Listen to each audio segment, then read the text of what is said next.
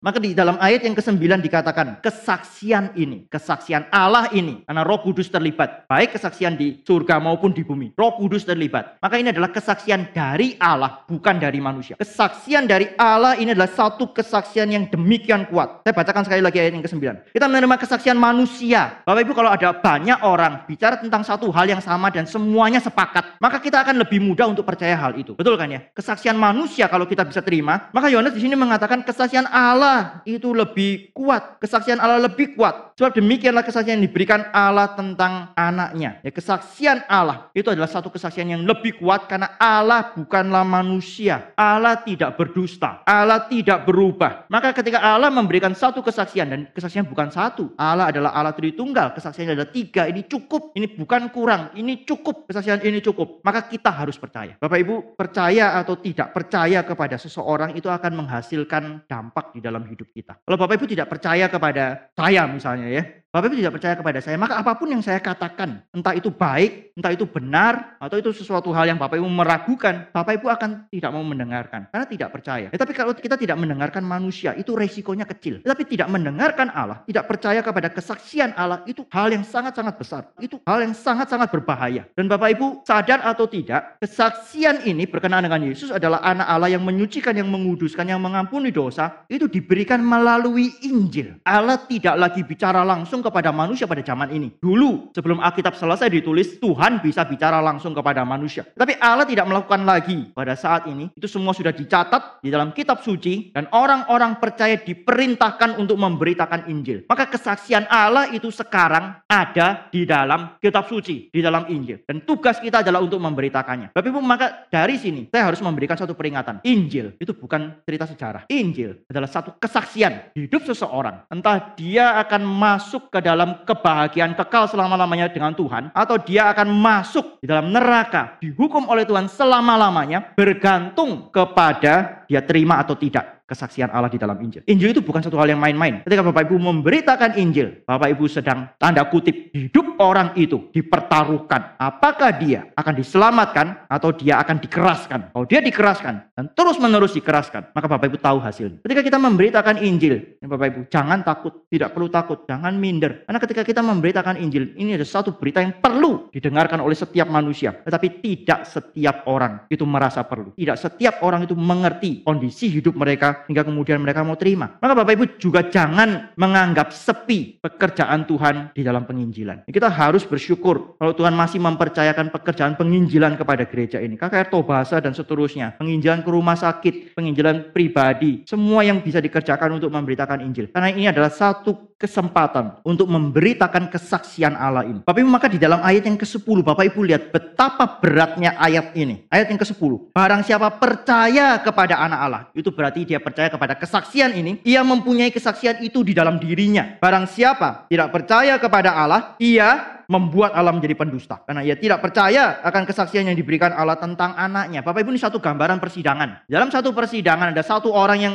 dituduh. Siapa yang dituduh? Kita. Kitalah tersangkanya. Kitalah orang yang berbuat dosa. Kita dituduh. Kemudian ada satu kesaksian. Kesaksian yang benar. Yang dari Allah. Bahwa Yesus Kristus adalah anak Allah. Kita mesti percaya, kita mesti terima itu. Tapi kita juga mendengar dari orang-orang yang tidak mau percaya. Itu tidak benar. Orang-orang yang tidak mau menerima Injil. Sudah dengar Injil. Tidak mau terima Injil. Itu adalah orang-orang orang yang mengatakan Tuhan itu bohong. Kesaksian itu tidak benar. Ini dua pihak yang bertentangan. Allah memberikan kesaksian tentang Yesus Kristus dan orang-orang berdosa yang tidak mau menerima kesaksian itu. Bapak Ibu ini dua pihak yang bertentangan. Bapak Ibu bayangkan betapa malangnya orang-orang yang menjadikan Tuhan itu sebagai pendusta. Yang menganggap Tuhan itu sebagai pendusta. Ini orang-orang yang akan dihukum berat. Nah, ketika dia bersaksi, Bapak Ibu tahu ya, kesaksian di pengadilan itu bukan kesaksian yang enteng. Bukan seperti kita ngomong biasa. Semua orang yang menjadi saksi di dalam pengadilan itu disumpah untuk mengatakan hal yang sebenar-benarnya. Kita nggak tahu yang kemarin sidang MK itu hasilnya apa gitu. Ya. Hasilnya sudah jelas sih. Tapi para saksi yang dimunculkan itu nanti jadi dapat apa gitu. Itu harusnya orang-orang ketika mereka bersaksi, mereka harus tahu ketika mereka tidak mengatakan hal yang sesungguhnya harusnya mereka dihukum. Itu yang harusnya terjadi. Harusnya mereka dihukum ketika mereka tidak mengatakan hal yang sebenar-benarnya. Tapi bayangkan orang yang bersaksi di bawah sumpah dan kemudian kesaksiannya menentang kesaksian Allah. Betapa beratnya nanti dia akan dihukum. Maka ini bukan hal yang enteng, ini bukan hal yang main-main. Ayat yang ke-10 itu memisahkan orang, bukan orang baik dan orang jahat. Ini memisahkan orang-orang yang kemudian percaya kepada kesaksian Allah dan orang yang menentang kesaksian Allah. Itu mirip dengan setan, mirip dengan iblis. Iblis itu penentang, iblis itu penghalang. Nama setan itu adalah penentang. Maka orang-orang yang menentang kesaksian Allah ini, ini adalah orang-orang yang dipakai oleh setan yang dibawa kuasa setan. Maka tidak heran Yohanes itu bicara demikian keras. Orang yang demikian yang membuat Allah menjadi pendusta. Jika Allah itu bersaksi tentang Yesus, kepadanya lah aku berkenan. Inilah anakku yang kukasih, kepadanya lah aku berkenan. Masakan manusia berani mengatakan aku tidak mau, aku tidak setuju, aku tidak mau percaya kepada Yesus Kristus. Masakan manusia boleh mengatakan hal itu? Bapak Ibu, ini adalah satu dosa yang terbesar. Dosa yang terbesar itu adalah mengatakan bahwa Allah itu tidak benar. Allah itu berbohong. Ini adalah dosa menghujat Allah. Di dalam Matius 12 nanti Yesus itu mengatakan ada satu dosa yang tidak dapat diampuni. Itu adalah dosa menghujat siapa? Roh Kudus. Di situ dikatakan menentang anak manusia dapat diampuni. Saya pernah tidak mau percaya kepada Kristus. Saya bukan dari keluarga Kristen. Saya pernah diberitakan Injil. Saya pernah tolak. Saya pernah menentang anak Allah. Dan itu bukan dosa yang tidak dapat diampuni. Dosa yang tidak dapat diampuni adalah menghujat Roh Kudus. Roh Kudus memberi kesaksian di dalam diri seseorang. Orang itu mengeraskan hati. Tidak. Ketika Roh Kudus sudah memberikan kesaksian, orang itu pasti sudah tahu bahwa itu kebenaran. Pasti sudah tahu bahwa Yesus itu benar-benar anak Allah yang menyucikan, yang menguduskan, yang mengampuni dosa. Sudah ada kesaksian Roh Kudus. Tapi ketika Roh Kudus memberikan kesaksian, Injil diberitakan dan orang itu tetap keraskan hatinya, tidak mau tunduk kepada kebenaran, kepada kesaksian itu, maka itu adalah dosa menghujat Roh Kudus. Dalam Matius 12 itu dikatakan dosa ini tidak akan diampuni baik dunia yang akan datang maupun dunia sekarang. Tapi bu hati-hati ya, jangan pikir kita selalu punya kesempatan. Oh gampang, nanti saja, nanti saja percaya sama Tuhan, nanti aja. Masih banyak waktu, masih ada kesempatan. Tidak loh Bapak Ibu. Orang yang demikian mungkin hatinya sudah demikian keras menganggap enteng kesaksian Allah itu. Nanti saja. Itu mungkin dia justru sedang dikeraskan hatinya. Dia sedang menghujat Tuhan, dia sedang menentang kesaksian Roh Kudus di dalam dirinya sehingga akan ada tiba satu waktu, satu titik tidak mungkin bertobat lagi, tidak mungkin berubah lagi nanti dalam Ibrani pasal yang ke-6, dosa yang sama itu juga akan dibahas. Murtad, pakai istilah murtad. Tapi saya percaya setiap kebenaran itu pasti Tuhan pakai, Tuhan berikan kepada kita tepat pada waktunya. Tapi ini satu peringatan bagi kita. Hati-hati